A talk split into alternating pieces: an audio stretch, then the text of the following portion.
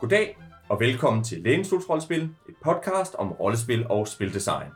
Vi kigger på gamle og nye rollespilsmaterialer og taler om de emner, som vi synes er mest interessante at tale om. Og til i dag har vi læst The Planescape Setting til AD&D 2nd Edition. Jeg hedder Elias Helfer, og med mig for at tale om den her kasse er... Niels Bakkesen Oliver Nøglebæk. og Morten Greis.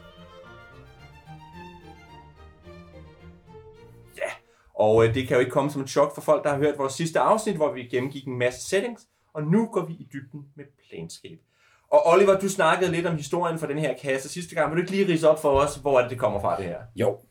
Dengang D&D var en helt ny og spændende ting, så kom den jo med sin egen øh, sådan, implicite setting, som også inkluderede en masse ekstra verdener, ting kunne komme fra, eller man kunne tage på eventyr, hvis man var rigtig, rigtig øh, sej til de her ting og sager, øh, som så senere i, øh, i 87 blev udvidet med den store Manual The Planes, som dækker over alle de her øh, ekstra planer, man kan rejse til, når man er, når man er lidt højere level, øh, som er fulde af overnaturlige væsener og øh, ekstra ting og sager. Og der er en del af sådan, øh, djævle og engle og ting og sager, for det er jo alle de der, øh, det er de steder guderne kommer fra, man kan rejse hen til. Øhm, det der så også sker der i 80'erne er jo den der sataniske panik med, øh, med, med D&D som ondt og fuld af sataniske instrukser. Så da man ligesom skal opdatere til second edition, så fjerner man lidt øh, referencerne til, øh, til dæmoner og engle, fordi det tænker man, det er en dårlig idé at have det, når, når mor kigger med over skulderen. Øh, men, men, men spillerne er stadigvæk super interesseret i de her ekstra verdener, fordi det er jo virkelig fascinerende at høre den her kosmologi, der omgiver verdenerne, man spiller i. Øh, så man beslutter sig for, i stedet for, at lade en forfatter finde på en, en ny fortolkning af de her planer. Øh, og det er jo så øh, Dave Zapp Cook, der står for at lave Planescape-settingen. Og det gør han i 94, da han laver den dejlige kasse, hvor tilgangen ligesom er at tage de her, øh, hvad der starter med at være verdener for meget kosmiske kræfter, og så finde ud af, hvordan fungerer det rent faktisk på hverdagsniveau nede på, øh, på gulvet, hvor almindelige første level eventyr også kan rende rundt og være med på fødderne af de store guder og dæmonerne og, øh, og alle de der overnaturlige kæmpevæsener. Men hvad er der egentlig imellem de der øh, store punkter i den her verden? Og det er så, øh, så Planescape setting, ligesom det, den kommer fra. Ja. Og øh, vi har jo flere gange refereret til, at det er en kasse, fordi det er jo ikke bare én bog, men det er hele fire. Nis, vil du ikke lige fortælle os, hvad er det, der kommer med i kassen? Yes. Altså, vi, det, er jo, det var jo boxset æraen også, øh, mm-hmm. for, fordi alle de, øh, de settings, vi taler om her i, øh, i de sidste episode, de udkom i de her boxsets, hvor man, hvor man netop fik, øh, man fik nogle forskellige hæfter, Øhm, fordi der var jo, der er naturligvis, der er en players guide, hvordan, øh, hvordan opfører man sig som spiller, hvordan laver man en karakter, der enten er kommet øh, nyligt til, til de her planer, eller som, øh, som har levet her altid, og har sit, øh, sit daglige liv i, i Sigil, den her by. Øhm, så er der jo selvfølgelig også en DM's guide, som kan fortælle om hemmelighederne og give noget ekstra information om planerne og hvad der foregår og sådan nogle ting. og sager. Så er der en, øh, en nydelig øh, sådan en guide til Sigil og, øh, og And Beyond, hvilket vil sige det øh, plan, øh, The Outlands, som, øh, som Sigil ligesom svæver over. Øh, Sigil er den her, er den her by, som er øh, Udover at vi, vi ligesom ved, hvordan første levels karakterer øh, kan omgås, øh, kan gå rundt på planerne, så er Sigil også ligesom forklaring på, hvordan man kommer rundt på planerne, fordi der er nemlig, den er så belejligt fyldt af porte rundt omkring. Um, og, og så en beskrivelse af, hvordan livet er, øh, er deri. Um, og så er der jo alle mulige sådan ekstra lækkerier, fordi der er jo, så er der jo kort over, der er kort over byen, og der er uh, meget, uh, meget farverige, sådan store, sådan nogle dejlige store folde ud uh, maps, der, der viser de her uendelige planer øh, i forhold til hinanden, og det, altså det har været, det, det har tydeligvis været en, en korttegner fornøjelse, hvordan man viser et, et, et udvalg af uendelige planer ved siden af hinanden. øhm, men men det, det lykkedes meget godt og, og fint og stemningsfuldt, og der, der er, så, så det, altså det er, det er, det er et bokssæt, hvor man sådan får mange lækre ting øh, i hænderne. Øhm, Og apropos lækre ting, så, så er vi også lige nødt til at kommentere lidt på æstetikken i det. Øh, vil du ikke sige bare en lille smule om, hvordan er, det, hvordan er det, det tager sig ud, når man kigger på det? Ja, jamen altså, hvad man siger, dels, øh, altså det er jo, det er jo illustreret øh, primært af øh, Detalisi. Ja. Jeg er ikke Tony Ditalisi. To, Ja. Tony Detalisi, um, som har den her sådan meget, øh, jamen sådan lidt, øh, lidt sådan surrealistiske øh, stil, øh, som passer godt til, at det er de her, øh, det er de her overvirkelige, altså det, det er nærmest sådan, det er sådan nærmest sådan hypervirkelige verdener, øh, han får illustreret jeg synes, han, han får at lave en rigtig fin sådan, øh, han arbejder meget med, med mixed media, så nu lige nørder jeg lige ud og laver en grejs her.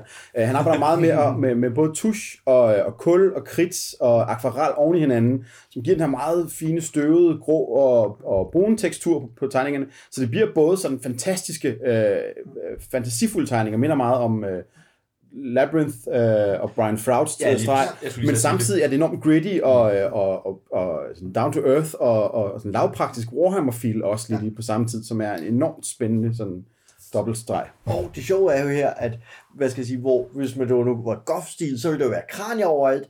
I den her planescape-stil, der er knivsklinger overalt. Altså, ja. der er sværklinger øh, og knivsklinger overalt på det i stedet for. Øh, så, så, så der er sådan sin egen planescape-stil samtidig med. Ja. Og der er også det med, at det er jo, det, det har den her sådan materiel følelse af, at, øh, at der er det her ikon med hende her, The Lady of Pain, som, som ligesom træder frem i sådan en 3D-effekt, som har været the shizzle mm-hmm. dengang i 90'erne.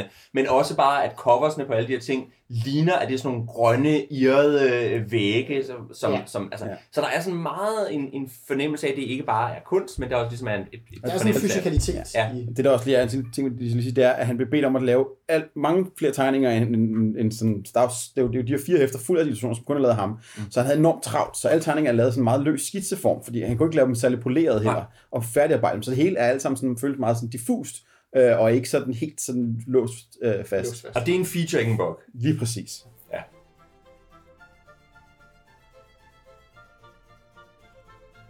Nu fik vi lige øh, præsenteret den her kasse meget grundigt. Og apropos grundigt, det er jo en meget grundig indføring i den kosmologi, der ligger bag Dungeons Dragons. Hvad er det for en kosmologi, Morten? Godt. Som vi var inde på i sidste episode, øh, som vi var inde på i sidste episode, hvor vi snakker om en hel masse om det settings, så var det jo, at jeg nævnte under Spelljammer, at alle primærverdenerne lever i deres egen krystallesfære. Øh, det vil sige, at alle grundverdener, de ligger på primærplanet, eller primærplanet, der er lidt skrevet i terminologien, afhængig af, hvor vi er henne i udgivelsesperioden her. Men lige nu snakker vi primært hardcore AD&D-perioden, og der har vi som sagt primærplanerne. Det er der, hvor de almindelige dødelige går rundt og eksisterer osv., og alle de øh, separate planeter, de er i hver deres krystallesfære, men det er alle sammen på samme plan. Så har vi så det, vi kalder de ydre og de indre planer, og de er forbundet via de transitive planer. For at komme til de indre planer, som er kosmologien eller hele skabelsens byggemateriale, så rejser man via det eteriske eller ethereal plane, øh, så rejser man gennem det plan og kommer nu til ild, jord, vand, luft, positiv og negativ energi, plus quasi- og paraplanerne, som ligger på grænserne mellem elementerne. Så har vi altså på den måde en masse kerne, klassiske kerneelementer, og vi har en masse variantelementer. Og her er så at sige hele eksistensens byggeklodser, og det her fra elementarvæsener kommer osv. Og øh, og det er, hvad skal jeg sige, materien for Ja, det er den fysiske eksistens. Ja. Også, ikke? Lige præcis.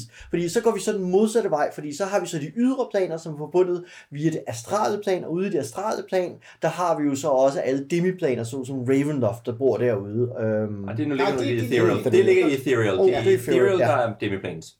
Nej, det er rigtigt, ja. Det er Gud, dø, ja, det er rigtigt. det er Gud, demiplaner, ja, det er de døde guder, der er i astralplanet, Ja. ja. og det er demiplaner, der, er netop bygget af råmateriale fra de indre planer, så derfor er de i ethereal plane. Så, men i de ydre planer, der har vi som sagt forbundet det astrale plan, som dødelige, med mindre de kan åbne en port dertil, rejser med en form for drømmelæme, hvor de er forbundet via en sølvsnor, øh, som kan hugges over af særlige væsener, primært en øh, Astral Dreadnought, som er den, der er på forsiden af Manual of Planes, Eller Eller- Vorpal Swords. eller Vorpal Swords, og særligt nogle af de sølvklinger, som Gif Yankier, som holder til i Astral, Astral Plane, har, øh, og de bor typisk på fæstninger på døde guder. Fra herfra, øh, hvad skal jeg sige, øh, hvad skal jeg sige, Astralplaner og yderplaner er mindscapes, og det er ret vigtigt at forstå, fordi at herude i de astral øh, yderplaner, det er der, hvor alle guder øh, har hjemme, og der er så simpelthen 16 eller 17 ydre planer, de 16 er arrangeret i en kreds rundt om øh, outer øh, Outlands, som ligger i midten. Alle de her planer er uendeligt store, øh, og alle af dem består af et eller flere lag. Så for at visualisere det, så skal man nærmest tage sig en lavkage. Og så skal man skære den i 16 stykker. Men man skal aldrig skære den til midten, man stopper nogle centimeter før midten, sådan at når man har skåret sine 16 stykker, så er der en urørt midte. Og når man så kigger på de lavkagestykker, så opdager man, at nogle lavkagestykker øh, består af 3-4 lag, andre består af 2 lag, og nogle af dem, et af dem består af 999 lag. Og øh, der er også Ja. i hvert fald et af dem, som består af uendelige lag, og et, der, Der, der, og flyder et, der er lagene sammen. sammen, ja, fordi det er uh, limbo. Og alle de her planer er associeret med hver deres alignment. Nogle af dem er ret nemme, altså chaotic neutral, lawful neutral, lawful good osv. Altså, de almindelige alignments har deres egne planer, og så ligger der så dem, som er overgangene mellem. Og ligesom, sådan, ligesom nord-nordvest. Ja, og, lige præcis. Ja. Man kan simpelthen tage det efter kompasretningerne. Man skal bare have 16 af dem. Øhm, og i hver af de her uendelige store planer, som så er associeret med forskellige filosofiske overvisninger, det er så her, man kommer, når man er død. Og det vil sige, er man lawful good, jamen så ryger man til lawful good planet. Er man true neutral, ryger man til outlands. Og er man chaotic evil, så belønnes man med at ryge helvede, fordi efterlivet her er ikke nogen straf. Det er simpelthen der, man moralsk hører til, og der man i virkeligheden gerne vil hen, og så bliver man så en petitioner, som øh, lever sit efterliv her, og stræber efter, hvad skal jeg sige, eller afhængig af hvilken efterliv man kommer til, så er der forskellige ting, man stræber efter, et eller andet sted at stige i øh, hvad skal jeg sige, ens verdens øh, hierarki. Men det er ikke for spillerne, fordi ingen spillere spiller petitioners. Vi andre spiller primere og planere, altså folk, der enten er tilrejsende eller født herude, men stadigvæk er dødelige væsener, øh, som så går på eventyr det her. Og de her sådan, uendelig store planer her, er der så realms, og det er så der, de enkelte gudedomæner er, og de er så afgrænset relativt i størrelse, stadig meget store, men det er betinget af gudernes øh, magt. Og alle de her sådan, områder er så forbundet via forskellige snedige ting, primært via portaler, men der er også nogle ting som Yggdrasil og lignende, som øh, går på tværs og forbinder, og der er også det uh, Staircase of In- Infinite Stairs, som er den store super uh, trappe, som fører alle steder hen. Uh, og der er Styksfloden for eksempel. og Styksfloden, og, Og og der er nemlig to floder. og- Ja, der er nemlig to floder, der også fører igennem. Og Olympos, og, og de har Ja. ja. virkelig taget, altså, De har det er jo taget et en masse- miskmask, ja. det er et miskmask af my, med, med rigtig mytologi og Lige ren Dungeons ja. Dragons mytologi. Ja, og, så, og noget af det, der så gør det vigtigt, som, det er, at det er mindscapes i den forstand, at jo mere man tror på det, desto mere magtfuldt bliver det, og jo større bliver det. Det vil sige, kan vi samle nok øh, tilbedere, jamen så vokser domænet fysisk. Og det betyder noget, da alle naturlove er indrettet efter forestillinger, så det vil sige, i et lovfuldt gut område, hvis et lovfuldt gut område opsluger naboområdet, så retter alle gadehjørner sig ud og bliver mere vinkelrette. Snavs forsvinder fra gaderne, fordi i det her samfund har vi mindre snavs. Og så, så, hvad skal jeg sige, så den fysiske indretning af virkeligheden former sig efter forestillingerne. Jeg tænker måske, det er værd også at sige, det er, jo- det er, jo, ikke, det er jo ikke kun et alignment det er efter, det er jo også en, en livsfilosofi. Mm-hmm. Så for eksempel er der et chaotic good plan, som hedder, nu har jeg glemt, hvad det hedder, men det er i hvert fald sådan vikingeplanet. Det handler om, om, om ære Ja, og, Hyskard, ja. Ysgard, ja, ikke? Ja. Ja. Det er ære og, og, og, og, og kampgejst, og der, er det, altså hvis man har hørt om egenherrerne i Valhalla, der kæmper med hinanden hver dag, det gør de også der, ikke? Hvor på den anden side, så kunne man måske have et plan som uh, Charon, som er uh, lange, øde marker, hvor folk går i lidelse, og, og altså, så, så hvert plan er også ligesom, har sin egen tilgang til det der måde med at være levende, men også at være død, og, og hvad vil det sige at, at Ja. være det her sted, ikke? Det, jeg, jeg synes, en, en fin eksempel er de to af de Lawful Evil-planerne. Der Ja. er, hvad det hedder, At, Acheron? Acheron, som er, handler om at følge ordre. Det er Ja. en del af min Lawful Evil Neutral. Og det er simpelthen det der... Øh, det er ren krig. det er ren, det, det er ren krig, og det handler om at følge ordrene og, og forsøge at lave øh, og, og, og tvinge sine ordner, ordner over på de andre. Og så er der øh, hvad det hedder, øh, Bagtorp ved siden af, mm. som er sådan det der helvedes byråkrati, mm. som er ren byråkrati, det er ren lawful evil. Og det er jo bare sådan det ondskefulde byråkrati. Det er Kafkas øh, sådan øh, værste mareridt. Ja. Og så noget af det fantastiske er jo også igen geografien i sådan nogle verdener, ikke? fordi at den første, du nævner, der er det øverste lag i den her ting, er jo enorme jernkuber, der svæver rundt i et enormt tomrum, og der er tyngdekraft på, på alle seks sider af jernkuberne, så der er på alle seks sider jo hære, som slås i uendelige krige mod hinanden, undtagen når de bliver kvæst, fordi to jernkuber brager sammen, sammen. Øh, Og, og den der for, fuldstændig umulige, altså hvad skal jeg sige, planeskaber også det umulige geografi i den forstand. Uh, altså ja. Mekanus, der jo består af gigantiske tandhjul, og man simpelthen har hele samfundet, der bor på siderne af tandhjulene. Uh, Jeg synes bare, nu, nu fik du nævnt, at det her var et miskmask, og det er det jo altså også, fordi det, altså det her er jo ikke en planescape-kosmologi. Det her er en kosmologi, der netop har levet i AD&D, ja, også siden før den fik mm-hmm. en Manual of the Planes osv., og, og hvor man netop, som er startet med de der øh, hjemmekampagner, som vi også fik nævnt sidste gang, ikke? hvor man, okay, jamen, der er, jamen, I, I beder til nogle guder, når I, I beder til de nordiske guder, så er det jo pludselig blevet etableret, at de findes her i, og så skal de jo have et eller andet sted at bo derude, og så fik de en plads, og alt det er ligesom, hvad kan man sige, at Planescape har, har, har, også været nogle, altså det er alt er blevet grandfathered ind, ikke? altså ja. man, man, har, man har opfundet Siegel til ligesom at binde tingene sammen, men det er nærmest resten, det er bare et spørgsmål om at give plads til alt det, der har været. Det er ikke et spørgsmål, man har ikke engang, det har ikke været, man har ikke ville rydde op, eller sådan noget. nej. Man har netop ville have det der kaos af, af, af den her kosmologi, der har fået lov til bare at blive bygget på i lag på lag. Men det er jo så også der, hvor, hvor der på en eller anden måde også er lagt op til, som at man som spilleder vælger det, man gerne vil, det, man gerne vil fokusere på. Så hvis man godt kunne tænke sig, at øh, Paladine fra Kryn møder øh, øh, øh, en eller anden fra Faron, så kan man det. Altså, øh, bortset fra, at i virkeligheden, så vil det nok aldrig komme til at ske, fordi det vil snarere være, at man i det ene eventyr møder Paladine fra Kryn, og så træsker man over til Bator, og så møder man en eller anden fra en helt anden setting, ikke? S- S- Sirius, eller hvad? Men det betyder sådan set, at samtlige D&D-produkter, der er udgivet, Mm. mm. har du adgang til her. Ja. Altså, fordi selv Dark Sun, som er lidt afsides, er der referencer til her. Ikke? Ja. Ja. Faktisk den eneste af sættelsene, der konsekvent bliver skåret ud, det er Mystar-sætningen, fordi Mystar-sætningen ligger ind under D&D Basic-reglerne, og ikke under AD&D-reglerne. Så derfor er Mystar-sætningen Øh, bortset fra, at den bliver nævnt specifikt i øh, her, så dukker den aldrig op rigtigt i senere materialer. Der dukker præstet alt andet end Mystar-sætningen op øh, i det senere, øh, i Planescape-materiale, der begynder at vokse. Mm.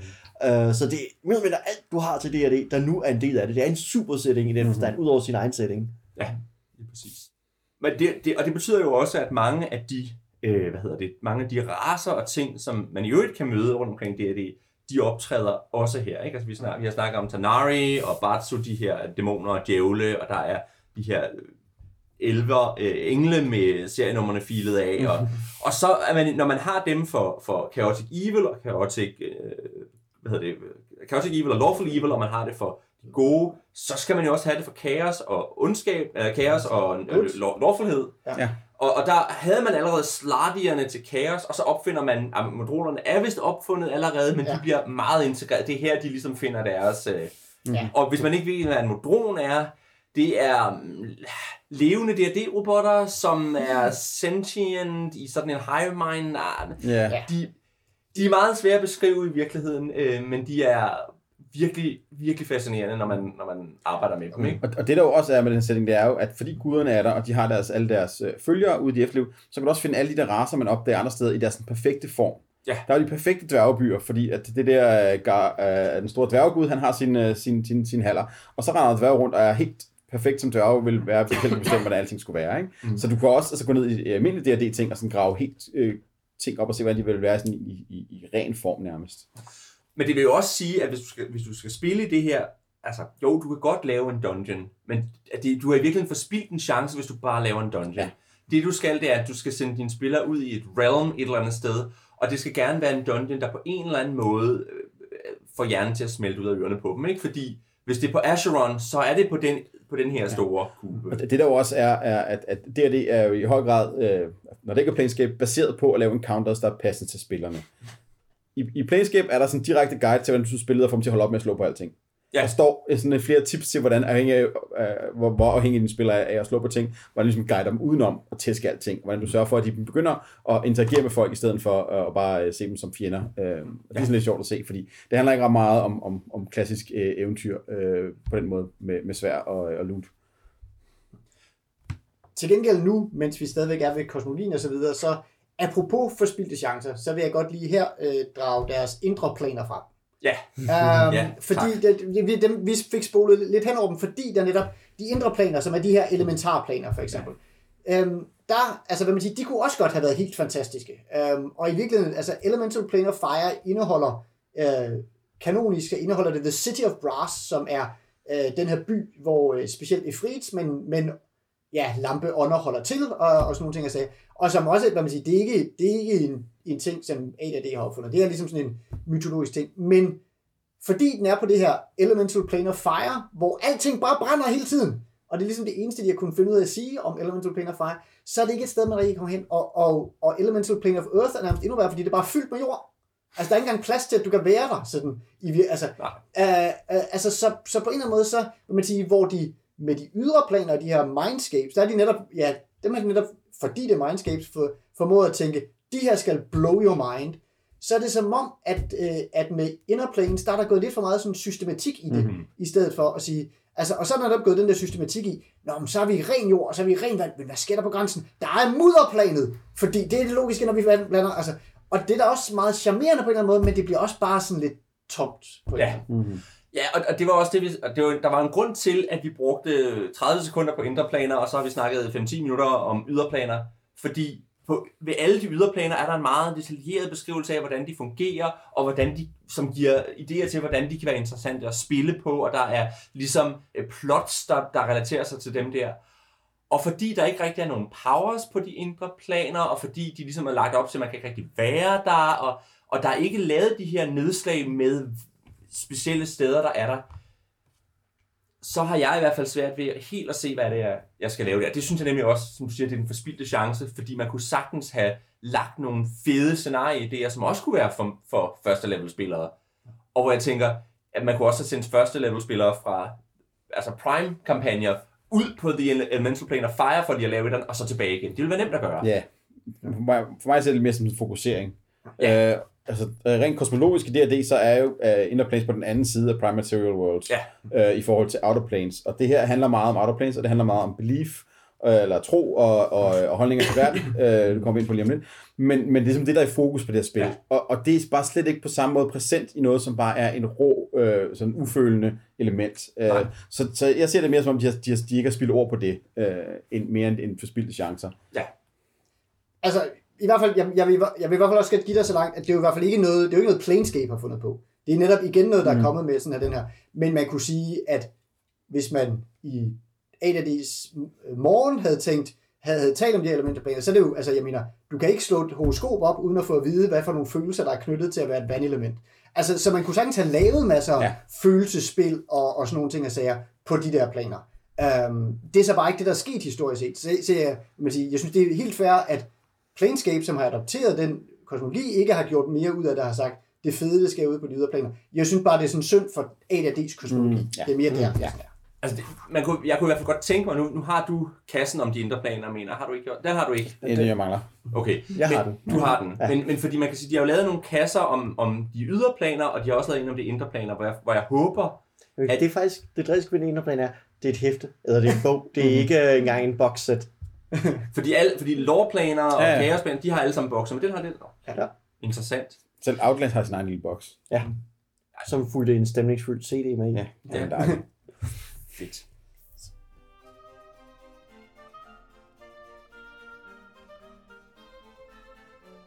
Nu har vi jo snakket lidt om kosmologien, og vi har blandt andet snakket om, at det er de ydre planer, der er i fokus. Og på de ydre planer, der, er, øh, der handler det om at være en filosof med en kølle, skriver de. Fordi tro flytter bogstaveligt talt øh, brev.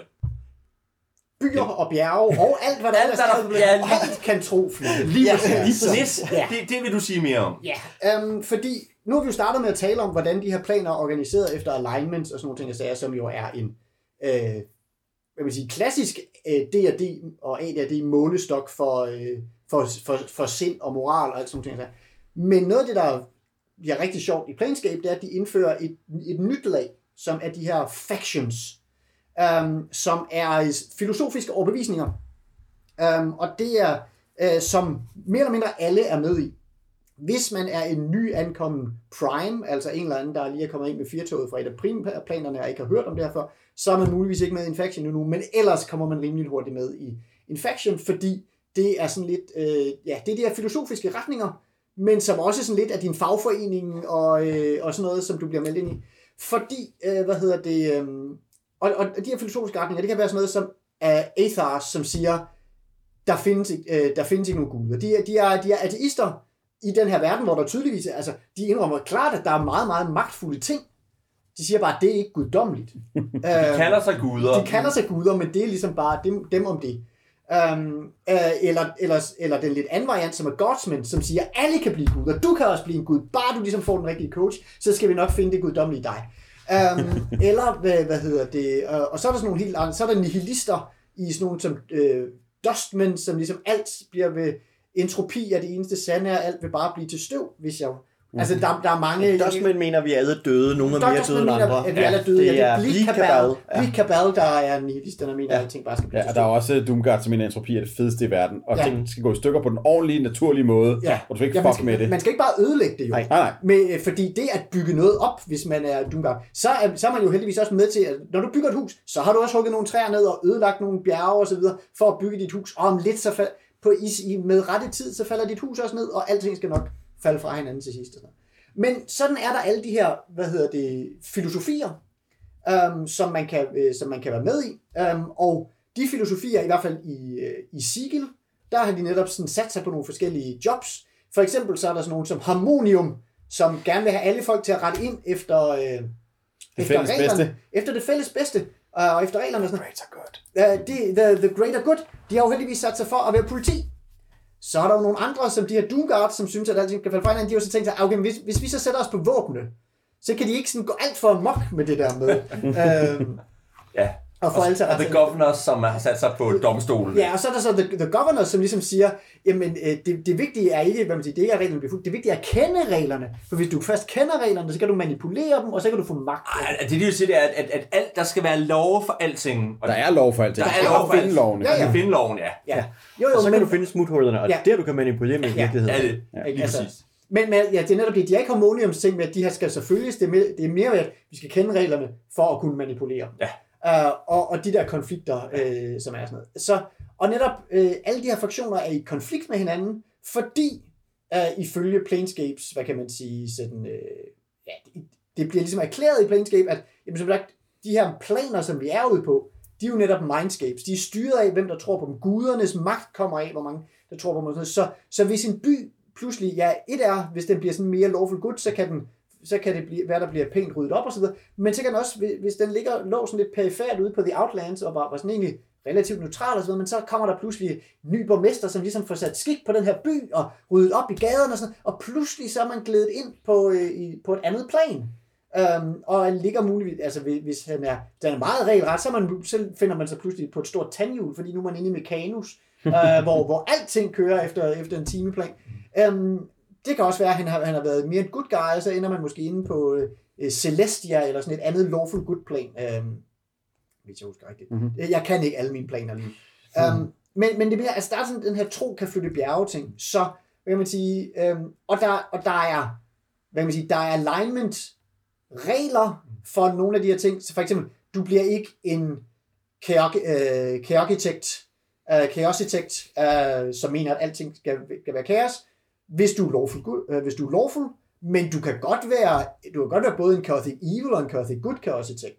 Uh, øh, du kan sådan set også være en neutral chaotic- chaositekt. Um, øhm, så altså, hvad man siger, der, der er plads til at være på forskellige måder inden for de her funktioner. Og i virkeligheden synes jeg jo, at det, synes jeg er det er interessant, at at i, et, i en setting, hvor øh, alignment bliver gjort så håndgribeligt, synes jeg, at, at de, der, øh, de der factions i virkeligheden gør alignments endnu mindre interessante. Fordi jeg synes, det er meget mere interessant at spille efter sin, efter Ja. ja. sin faction, mm. end efter sin alignment. Så det vil sige, at, at, øh, at jeg har endnu mere lyst til at, altså jeg har i forvejen lyst til at smide, smide alignment-systemet ud, fordi det har Ja, ja, ja. ja. alle mulige problemer. Og det har jeg endnu mere her, for jeg vil virkelig bare spille efter, åh, oh, men så er vi, så er vi øh, en harmonium og en governor, der går ud sammen, eller... Jeg synes, jeg synes faktisk, at den der måde, måde hvor at, at, at, at, at planerne er koblet op på alignment, gør, at alignment bliver sådan, når det er der, hvor det kommer fra, det, det, så bliver det sådan en, en intern spilmekanik ja. i, i setting, og ikke bare sådan en, en, en, en sandhed, men, Nej. men mere noget, når det har en årsag inde i fiktionen, som er det her åndssvage hjul, der kører rundt med planer. Øhm, Ja. Øh, og det er der, det kommer fra. Så kan det sådan bedre sluge alignment-systemet i, øh, i almindelig D&D. Fordi jamen, det er jo bare gudens måde at, at sætte ting op i kasser. Og så kommer der de her meta øh, ind over med deres factions og, og siger, at det der, det er, så, det er basic, det har vi jo set. Øh, nej, nej, det handler lige om det her. Ja. Øh, og det synes jeg er rigtig fedt, ligesom bygger oven på det. Når det så er sagt, så synes jeg, jeg kan se, en, øh, at der er, altså, der er ligesom en, en særlig status til lawful. Hvis jeg, og det kan godt være, det er, meget- nu må I rette mig, hvis jeg tager fejl. Jeg synes, der er mange af de der factions, der enten er kun for lawful, eller ikke for lawful. Og så er der en enkelt, mener jeg, som kun er for chaotic.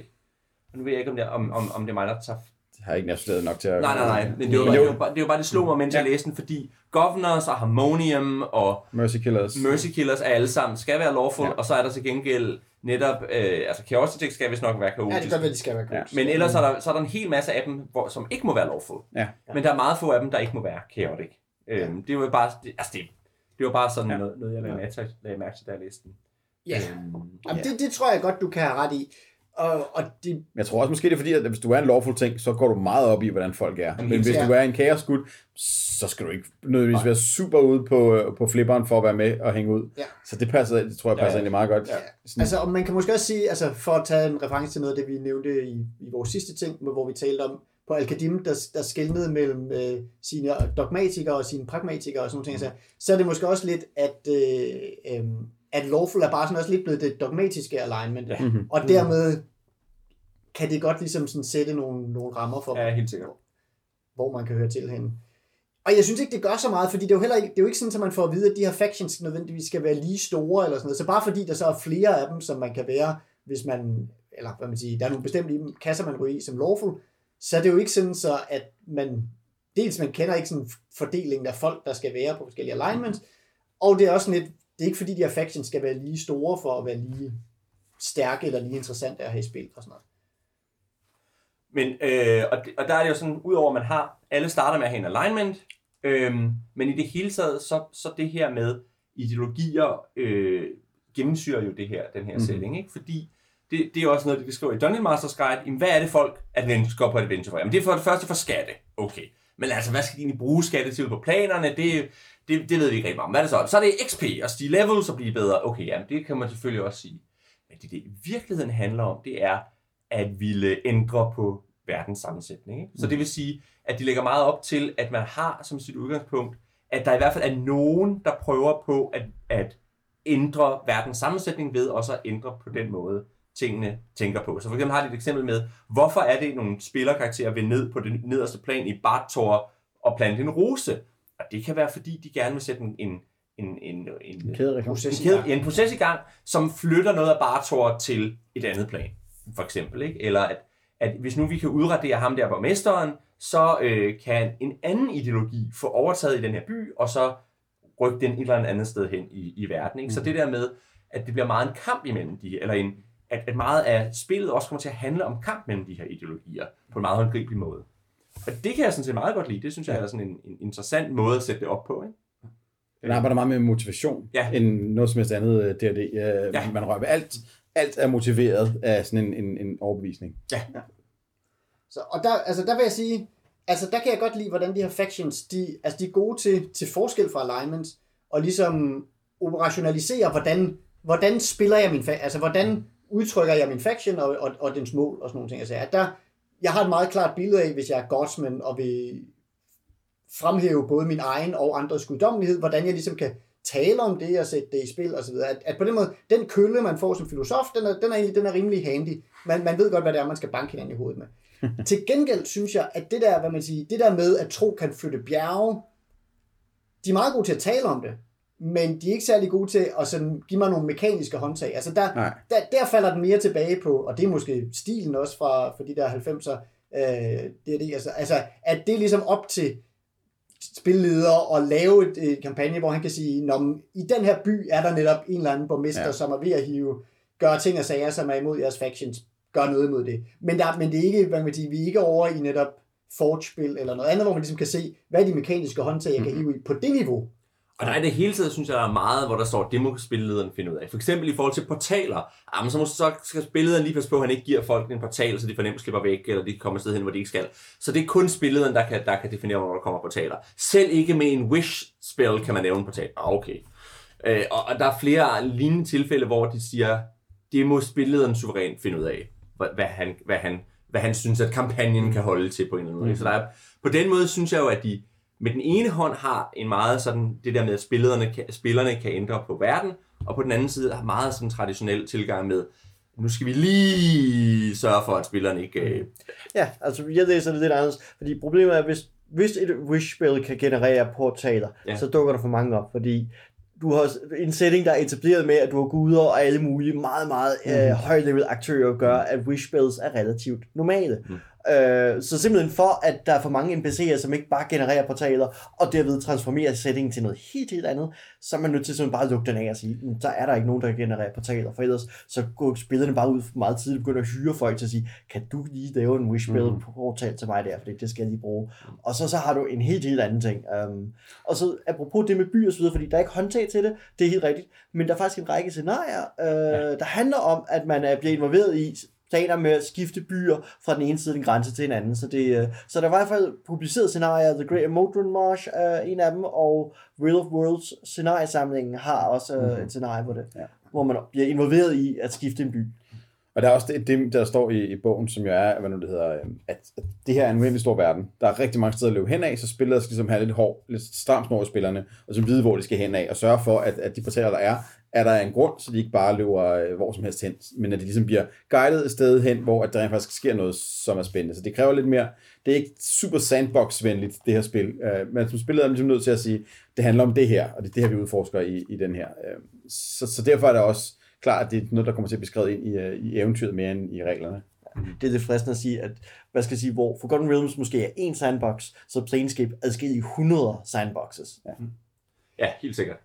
Jo, og, og så, altså, min kritik kommer også bare af, altså nu ser jeg på det her spil 20-30 år senere, al- altså, og, og kigger på de her verdener og siger, hey, nu til dags vil jeg måske have gjort noget andet, og netop Mhm. mm-hmm. nu til dags er vi vant til, at det her ansvar, der her udelukkende ligger ved, ved spillet om at sige det, det vil være mere fælles, og så vil vi have nogle regler for at styre det. Mm. Det betyder, altså jeg, netop, jamen, hvis der først kommer et scenarie, der ligesom viser mig, hey, nu sætter vi det her på spil, det er jo en lige så fin måde at gøre det på. Det var bare for at sige, at i, at i den her boks, Det er rigtigt. får man ikke lige de, Nej, de håndtag. Der får man ligesom bare at vide, gør det her.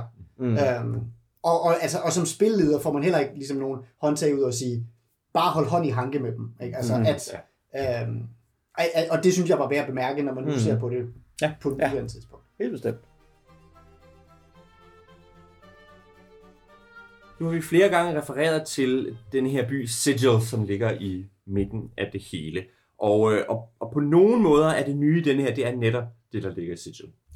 Og Oliver, du er arkitekt og ja. med speci- speciale Først vil jeg lige, øh, vil lige påpege en ting, Elias. Ja. Du er sådan en prime. Det er ikke sigil, det er sigil. Det er meget vigtigt, at du siger det med et hårdt G. Ellers lyder det som en eller anden, der kommer fra en anden åndssvag primitive world. Nej, det er dig, der har taget fejl. Men det kan vi, det kan vi tage. Jeg siger Sigil, fordi det, det er skrevet på engelsk her, men det kan vi... Det kan vi Ja, nej, det er bare, øh, det er noget, der er rigtig meget sjovt i den her bog, det er noget af sproget, som Ja. også optræder i byen her, at det er Ja. meget specifikt sprog, der er i den, med en masse slang, som man også skal Ja. op i en af bøgerne, øhm, og hvordan ting skal udtales. Men nej, det er jo en rigtig spændende by, som ligger i midten af alt det her. Øhm, den er faktisk øh, hævet over det hele, fordi i midten af det mindste plan er der et højt spir, som er uendelig højt. Man kan ikke klatre op af det. Det er bare umuligt. Ærgerligt, ærgerligt. Øh, og der er ikke noget magi, der virker derinde, så kunne man heller ikke flyve derop på den måde. Så, men så med den er der en, øh, sådan en torus, øh, en donutformet ting, hvor på indersiden af den er der en by, som er øh, Sigil her. Og øh, det er jo en ret øh, spøjsby, fordi det er ligesom øh, verdens navle øh, koblet sammen med alle de portaler, der fører alle steder hen. Øh, øh, alt, der, kan, der, der, fun- der ligner en portal, kan være en portal. Så døre, vinduer, øh, en, øh, en gren, der hænger hen over en vej. Øh, alt det der kan være en portal. Og en portal kræver selvfølgelig en nøgle for at komme igennem, og de kan være alt, hvad man kan finde på, som historien nu øh, trækker. Øh, er det, at man har en øh, brosten i, i lommen, eller øh, er det, at man hinker igennem? Det kan altså aktivere en portal. Det kræver, at man ved, hvad der foregår, og det er jo ligesom det, der er den mest værdifulde sådan valuta nærmest i det her, det er viden om de her portaler, der logger ind i den her by. Og den her by er jo så også øh, hjemsted for rigtig mange af de her mennesker. Det er for det første sted, hvor alle folk, der kommer gennem portalerne, mødes øh, på tværs af planerne med alle deres øh, filosofier og holdninger, men det er også her, der bor de her øh, indfødtes sådan, øh, øh, kultur, øh, har sit hjemsted. Og den øh, består af alle de forskellige factions, som øh, Nis gennemgik, som alle sammen dækker over en eller anden øh, sådan funktion. Mange af dem har sådan en reel funktion i byen, som er, er, det, er det deres krematorie, de dækker over, som, øh, som de der de døde områder med, eller er det, hvad det hedder, byvagten, eller er det, hvad det hedder, domstolene, eller ting og sager. De er som øh, pløjet i den her som forskellige steder, øh, og lagt ned i nogle forskellige kvarterer, som, øh, som er dækket ind over den. Øhm, og så er det altså bare sådan et stort øh, moras af mærkelige ting i sin helt egen stil, med sin egen øh, meget spændende stemning. Øhm, og, og, og der øh, havde du jo tidligere en, en, en pointe også, kan jeg huske, med, at Ja. det er jo på en eller anden måde byen. Det er jo, sådan, det, det er jo den, den, den, den største og, og næsten eneste by i verden. Det er jo ligesom den der øh, ikoniske by, som alle andre byer ligesom, øh, øh, øh, på en måde spejler, eller de er i hvert fald til stede i den her by også. Ikke? Øh, som sådan tropen, at, at det er ligesom her, alle eventyr udspringer fra, og det her, vi ligesom mødes som eventyr. Og den har jo set mange andre steder i, i rollespil øh, og, og fiktion. Altså, der er den der ene by, som alting foregår i. Øh, jeg kan nævne øh, flere rollespil. Altså, nu har vi, hvad det hedder, øh, Don't Rest Your Head, har en, en by, hvor man kommer på portaler, som er den der øh, baggrundsby bag alting. Øh, øh, s- rollespillet Coriolis er baseret på navngivet efter byen Coriolis, som er rumstationen, man kan mødes på, øh, som er den største rumstation i verden, hvor alle folk ligesom mødes. Ikke? Men, men Også Blades in the Dark har jo Ja. også den der idé om byen, ikke? ja, præcis. Mm. Ikke? Øh, Eller vi så på uh, Bookhounds of London, som også på en eller anden måde havde London som... ja, Jo, som netop jo har London for, som den kosmopolitiske, Ja, der ja, hvor man kan mm. møde alt. Ja, lige præcis. Ja, ikke? Men det, det er bare sådan, øh, Planescape er meget kondenseret ind, Ja. ja. det hele verden, alle andre byer i hele D&D er alle sammen underlødige i forhold til, til den her by, Ja. på en eller anden måde. Ikke? Præcis. Eller i hvert fald mindre centralt Ja. på en eller anden Mm. måde. Ikke? Fordi Ja. al, alle kan komme til sig. Ja. Så, Ja. Som et, som et kuriosum, så har jeg jo lige lyst til at nævne. Det der med, at alting kan være en portal, det synes jeg er altså sådan i, kla- i meget smuk AD&D-stil. Så for, fordi alting kan være en portal, er der naturligvis en spil til at sørge for, at dit vindue ikke pludselig er blevet til en portal. Ja. Altså, så, så, man kan gå til præsterne og sørge for, når man nu har fået bygget sit fine hus, at, at alle ens dørvinduer bare er helt normale dørvinduer. Og derfor er der flere portaler i slumkvartererne, end der er i de rige kvarterer. Det, men det synes jeg jo i virkeligheden er noget af det, som... Og det er jo lidt sjovt, ikke? Det er noget af det, som, som jeg synes, det er det tit mangler, at den der fornemmelse af en virkelighed, hvor man lever med magi. Ja. At her, i denne her, som er så langt fjernet fra en virkelighed, har man pludselig en fornemmelse af, at folk også skal være pragmatiske og leve med magi, og at det bliver, en, det bliver ligesom taget højde for i måden folk Den har en meget fin den her instruks, instruks i, jo, Planescape generelt, at, at der skal være magi, det skal, men det skal stadigvæk gerne være føles magisk. Det må Mm. ikke aldrig blive sådan en helt rutine, og det må aldrig blive sådan efterligne teknologi. Det må ikke blive sci-fi med Nej. magi. Det skal altid være øh, lidt mere øh, øh, øh, overnaturligt. Og, og lidt øh, parallelt med det, der synes jeg også, de har sådan en, en ret god pointe, som jeg i virkeligheden synes er en god pointe generelt til fantasy, om hvordan man holder ting middelalderlige. Mm-hmm. Uh, som er det her med, at, øh, at der er jo ikke nogen services.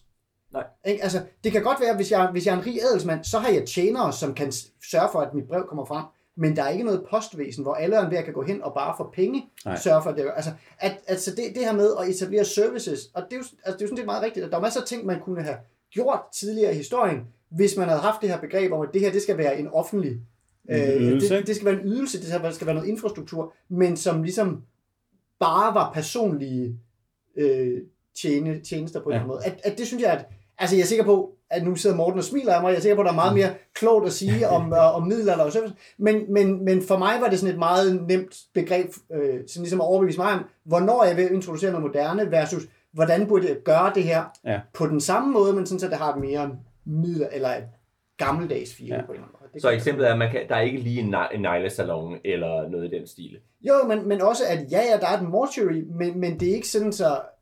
Altså, det er ikke sådan, så det bare er... Altså, der er ikke, der er ikke en ambulanceservice, vel? Mm. Der, så er der en, en, en kirke, som jeg er en del af, som måske vil tage mig ind. Der er de her factions, som er mit personlige gilde, som måske vil gøre noget for mig, men som ikke kan gøre...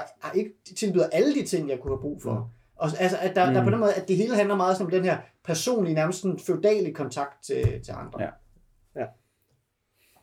Øhm, jeg synes ikke helt, vi kan undlade at sige, at der er jo også en, der om ikke sidder i toppen af det hele, men Nej. så er den, der styrer det hele. Og det er hende, der er, og, og det siger jo meget om det, det er hende, der er blevet øh, emblemet eller ikonet for Planescape. Og det er The Lady of Pain, som er den her figur, der glider ned igennem gaderne. Og man kan ikke snakke med hende, og det er faktisk beskrevet, at hvis man går hen og prøver at snakke med hende, så bliver man øh, skåret ned af usynlige knive, og, og hvis man gør noget for at prøve at komme i flæsket på hende, så bliver man smidt ud i en sær øh, øh, labyrint ude i det eteriske plan. Og, så hun er, fuld, altså, hun er beskrevet som fuldstændig urørlig.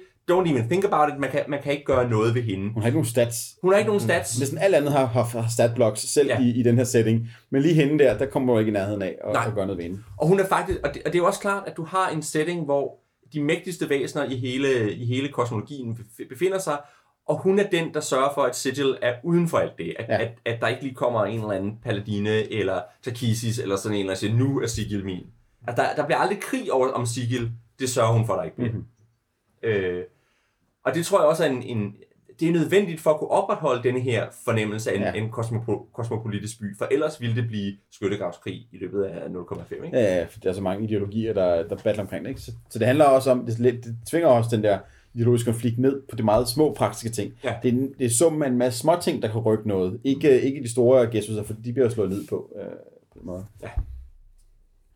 Ja, det giver også en sjov ting, fordi det betyder, at der er i modsætning til Vampire, der er ikke nogen byens fyrste, der er ikke nogen borgmester, der er ikke noget byråd, der kan vælges og stemmes ind og så videre. Der er de forskellige fraktioner, som kvæg deres evne til at tage magt, har magt. Øh, og styre forskellige områder af byen. Ja, de som har taget en, en, eller er anden, en eller anden funktion i byen, og har Ja. taget magten over den, men, men det er mere sådan et værktøj, end det er sådan en reel øh, magt Ja. øh, på den Så, måde. så der er ikke noget formaliseret system, hvor det er sådan nogle byens over eller byråd, der dikterer noget. Nej, nej. Øh, og det er på den måde en, en sjov lovløshed, der er i Sigil på den måde, ja.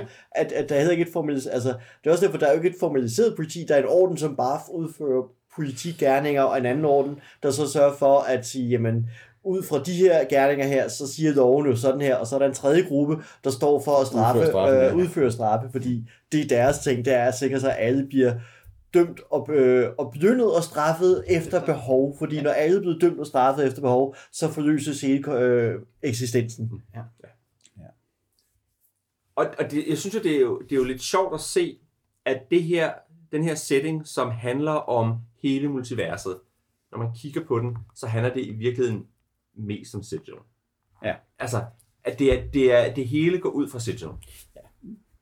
Så jeg synes, det, det, det, den, den sjov sådan, man hedder, måde, at den tager og går selv til byen, og så lægger den alt det vildnis, man normalt tager på eventyr i. Det bliver det store kosmos. Mm. Altså når, normalt, når man tager fra, fra landsbyen ud i øh, bakkerne for at finde en dungeon fuld af goblinger, det er ikke det, man gør her. Her tager man øh, fra Sigil, så tager man ud øh, på, på portalhop et par gange, for at komme ned i et eller andet øh, plan, hvor man skal gøre et eller andet dumt, øh, og så tilbage igen. Ikke?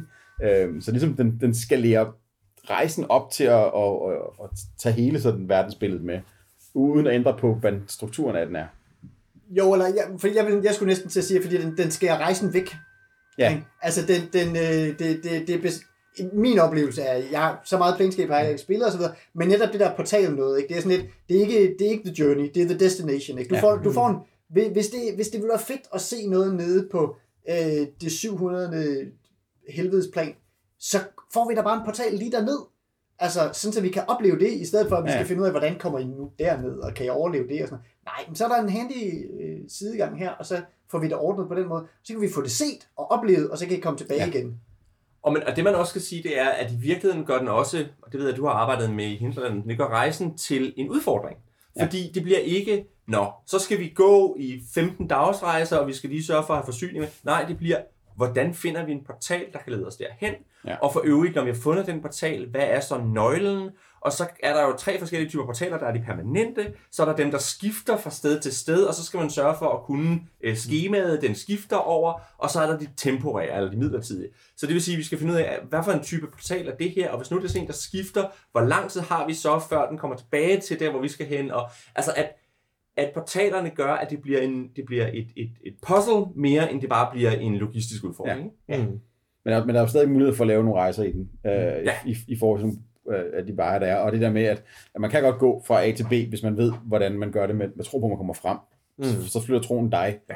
ja. i stedet for bjerget. Ikke? Øhm, så den er også... Ja. Ja. Jo, det er lidt det der, når man skal til grænsen af et uendeligt plan, så skal man lidt selv have en overbevisning om, at man er nået til grænsen. Ja, det er det. Og Ikke? det, det, det synes jeg egentlig, det er meget ja. Øh, men, men det gør også bare, at, at, at, at rejser er noget, man vælger som spillet at lægge ind.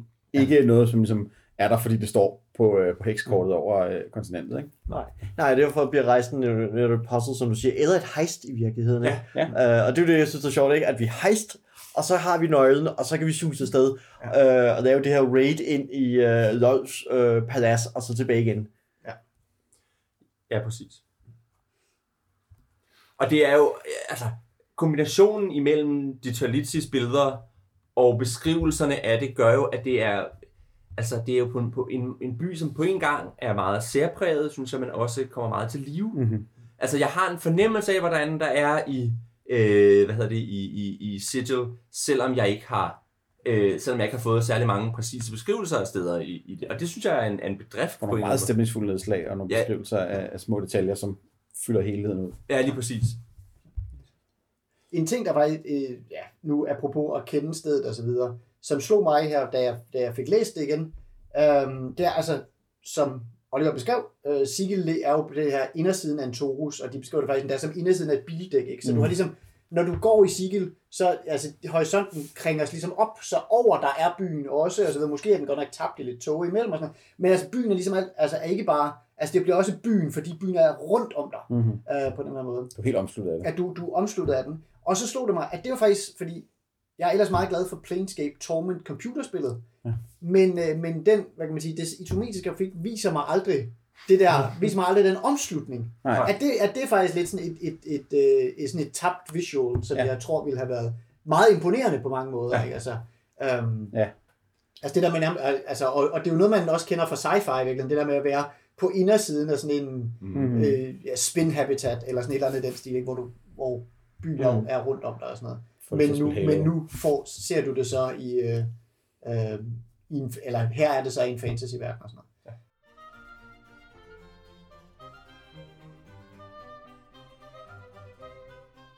Nu har vi været øh, omkring flere aspekter af den her setting. Vi har været om, omkring den kosmologi, der ligger i det. Det der med, hvor vigtige øh, ideologier og overbevisninger er.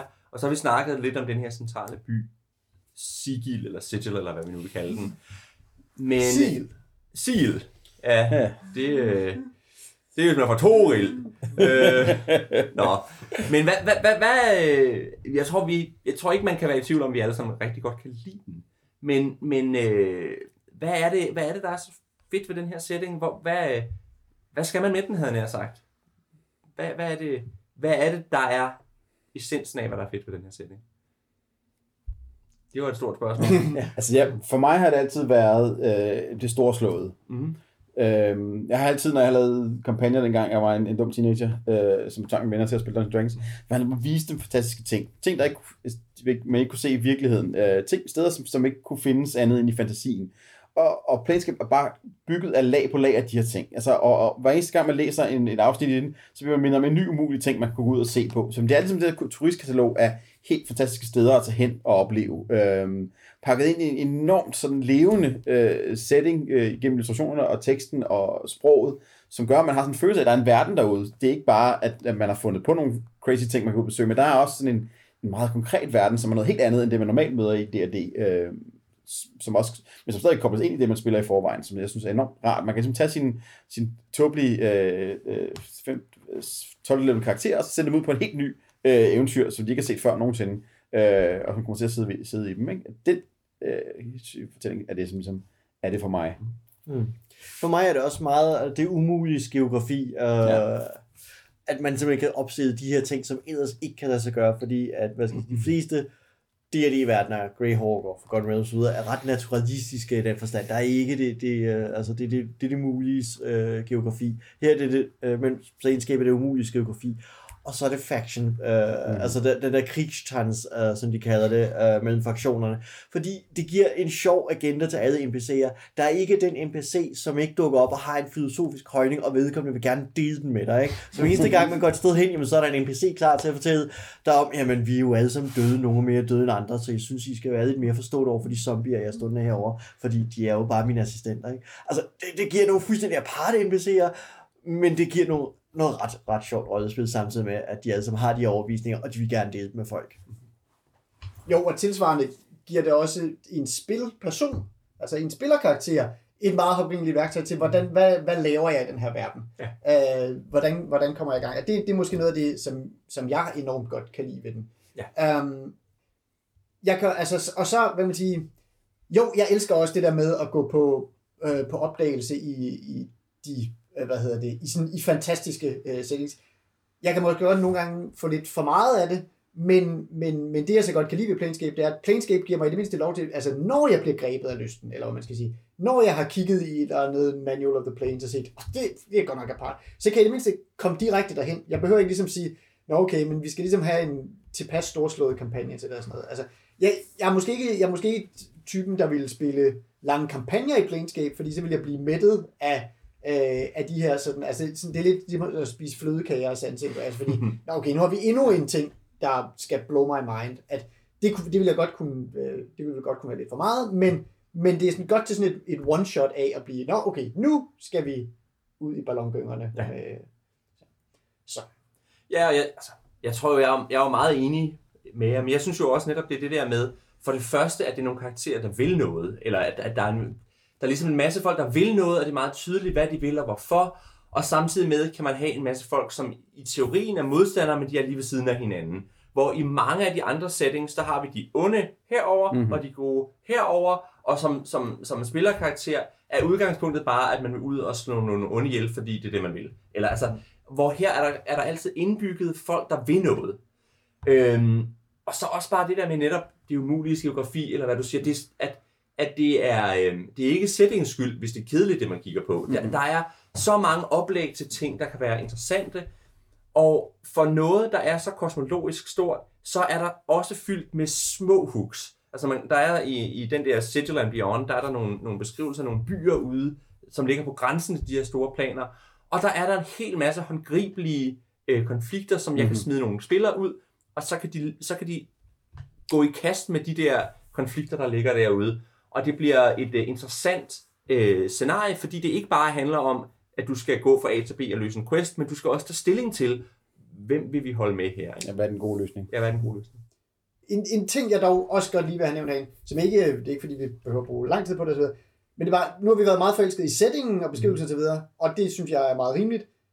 Bogen kommer også med en hel masse AD&D Second Ja. Edition mærkeligheds mekanisk bagage, som øh, altså allerede dengang ignorerede jeg det. sådan. Ja. Det, det, det er sjovt at se, hvis man sådan er til, er til, til quirky mechanics, Ja. men, men det er sådan lidt ligesom at stille sig op og kigge på et trafikuheld. Efter min mening. Ja. Altså, det er meget fascinerende, men man er glad for ikke at være involveret i det. Der er for Øh. eksempel de her øh, spell, spell crystals, som er, hvis nogen laver en summoning spell på et prime material plane, så sender de sådan en krystal ud, for, som skal fange en eller anden ude på det her plan. Og det er klart, at det er, okay, vi ved, der er dem her i, i grundreglerne, hvordan forklarer vi dem ude på planerne? Ja. Men hvis jeg skulle bare lave det her setting for sig, så ville de være, altså, så ud med dem, ikke? Det er også bare sådan noget som, som den, der, øh, den der tabel over alle planer, og hvordan det påvirker alle øh, spells, mere eller mindre.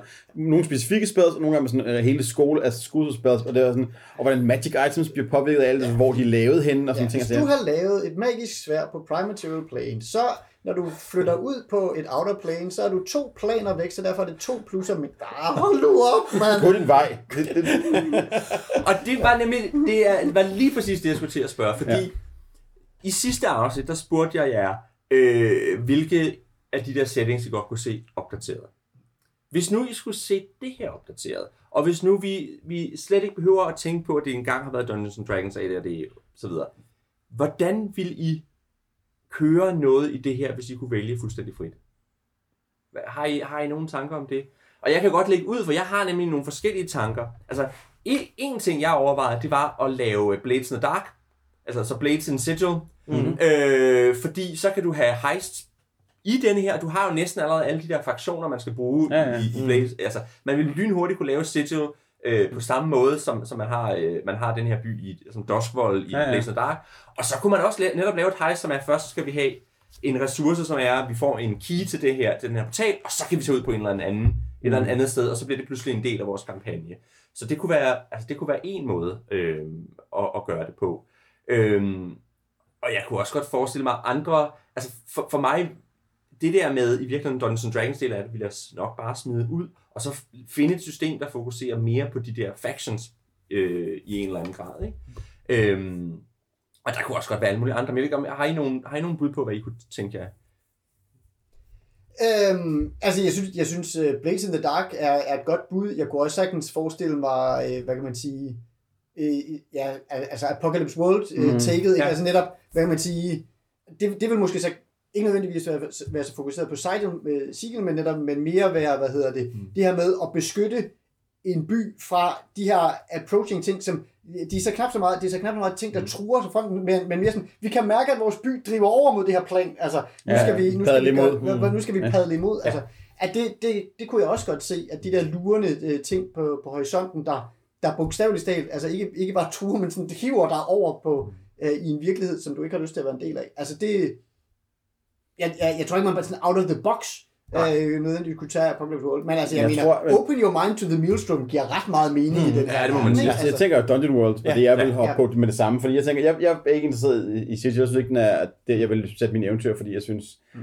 den er for meget, øh, der er for meget magt i den, mm. som vi har om hinanden til, at jeg ville føle, at mine spillere havde ret meget skulle have sagt der. Øh, det virker med Blaze in the Dark, for det handler rigtig meget om ikke at have magt og prøve at tage den, men sådan, øh, hvis jeg skulle ud og lave noget, så ville jeg jo tage Dungeon World nærmest, og så tage på tur ud i uh, Outer Planes og, og, og lave noget sightseeing med det, fordi det er ikke svært at lige at male et ekstra moves på, og nogle øh, mere baggrund der. Nej. Altså jeg ved, øh, for at gribe fat i nogle andre systemer, for jeg havde nemlig Blades som Dark i tanken, da jeg læste, læste det her op på det. Men hvis jeg skal prøve at foreslå nogle andre ting, så kunne jeg finde på, hvis det særligt hvis jeg ville ud på planerne og gå på vilde eventyr, så kunne jeg finde på at hive fat i Fate-systemet, Ja, ja, virkelig, det er bare for oplagt. aspects og lignende. Det bliver ret godt med troen, og hvordan tro fylder bjerge, Ja. og kunne sætte nogle aspekter på Ja. det. Og eventuelt vil jeg overveje at måske prøve at eksperimentere med Cypher System, kendt for Numenera og The Ja. Strange, fordi Mhm. mm-hmm. de er også baseret på wildly over the top, og de er jo skrevet af en af de sene Planescape-forfattere, der faktisk har lavet Numenera lignende, ikke? Så man kan jo se, hvordan han i sin sene Planescape-materiale, Modern March, Dead Mm. Gods, har de her vilde tanker. Et eller andet sted går han så hen og laver et rollespil baseret på vilde tanker, ikke? Mm. Um, så, så, så derfor kunne jeg være fristet til at bruge det system også. Ja. Men altså, det sagt, jeg kunne også sagtens finde på, hvad man siger, bare at spille det i D&D 5th edition, og, øh, og så netop smide nogle af det her mærkelige særheder ud, som man også godt, altså de var, det var heller ikke fordi, alle de her spell modifiers var svære at øh, ditche i 8. det second edition, men det er bare for at sige, altså nogle gange så kommer noget af charmen ved de her ADD øh, settings, også af, at de netop er ADD settings, af at, der, er- at, at, at en paladin også har en rolle heri, Ja, ja, ja. eller altså af, at- altså af, at de har noget af det der sådan mærkelige historik, hvor man sådan skal sige, det ville jeg, hvis jeg havde bygget det her på grunden, så havde den her ting nok ikke været der. Men nu er den her. Ja. Og så er det faktisk meget sjovt, ikke? Altså, og, altså hvad man siger, at der er plads til den. Mm. Um, altså, og, og nogle gange så er noget af alt det der bagage, det kan godt være, at jeg sad og, øh, og brokkede mig over, øh, over deres inner planes Ja. og deres stedmodige behandling og sådan men, men hele den her mærkelige, øh, sindrige arrangement, som man har, som er afstedkommet af blandt andet de her inner planes med, så har vi, og så, er det, så har vi pakket vi et ethereal plane om det, og så kan, altså har jo givet den her kosmologi, som altså som er Ja. bizarre og inspirerende at kigge på. Ja. Øhm, altså, så derfor ville det også være lidt synd at, at sådan smide alt for meget bagage ud. synes jeg. Ja, helt sikkert. Øhm, jeg har et par andre forslag til, hvad man kunne gøre. Mhm. Mm-hmm. Altså et, en, jeg vil pege på, øhm, Avery Alder, som blandt andet har lavet Monster Hearts, øh, har lavet øh, et system, der hedder Dream Askew, og der er også kommet en variant af det, der hedder Dream Apart. Mhm. Og de handler begge to om, at man spiller et, et, et community, der ligesom er øh, truet udefra. Og der tænker jeg, der kunne man godt af de her byer på Outlands, hvor, hvor der er det her andet plan, der prøver at trænge sig på, og man skal ligesom prøve at navigere mellem at blive på Outlands, og hvad, altså sådan, hvad vil vi gøre der? Og så er der nogle af de systemer, vi har snakket om tidligere, som jeg synes kunne være oplagt, og så fat i her. Fate var er klart et af dem, som jeg, som jeg også havde tænkt på, men øh, øh, og jeg tænker, hvad hedder også Warhammer, kunne man også sagtens tage fat i her, så får man Mhm. de der lowlives på kosmisk eventyr. Men, Okay, det er en sjov titel. No life på Cosmic Games. ja, men, men, men endnu mere, så tænker jeg i virkeligheden, jeg kunne virkelig godt tænke mig at lave, eller se for mig at lave et fiasko playset. Ja, ja. Ja. Yes. Altså fordi, fordi netop igen, når vi snakker lowlives på kosmiske eventyr, det, altså, det er så lowlives på kosmiske... Øh, øh, Man kan jo have meget store ambitioner, når Ja. ja. alle planerne er åbne. men, men lige præcis, ikke, at det er, der er også lagt op til den der med, at det skulle ikke altid, altid det lykkes for dig, og nogle gange så ender du bare med at bogstaveligt talt at brænde i helvede. Øhm, og det kunne man også lave her. Og jeg tænker også, at man kunne også sagtens lave et, en, et orakel til, øh, øh, hvad hedder den? In a Wicked Age. In a Wicked Age. Ja, lige Ja. præcis, ikke? Hvor så er man sådan lidt mere, og så er der nogen, der er powers, og mm. nogen, der er sådan nogle af de lidt større øh, eventyr i, de, i Ja, de her planer, ikke? Altså, at så har man et lidt mere high-powered eventyr, som går på tværs af sigil og alle planerne og så videre, ikke? Så jeg synes, der er mange muligheder for, hvordan man kunne lave noget af det her, som bedre fanger den der øh, fornemmelse. Og så det sidste, som jeg er nødt til at nævne, det er, at jeg har været nede ved Morten og erhverver mig Sig Manual of the Prime, som faktisk er nogen folk, som har været forelsket i det her og gerne vil se det igen. Og så har de lavet et spil, som er altså Planescape med serienummerne filet af. Jeg har ikke fået det læst endnu, men jeg tænker, det, det kunne også godt være, det er i hvert fald et forsøg på at indfange noget af det, man også i det hele taget får med, øhm, med Planescape.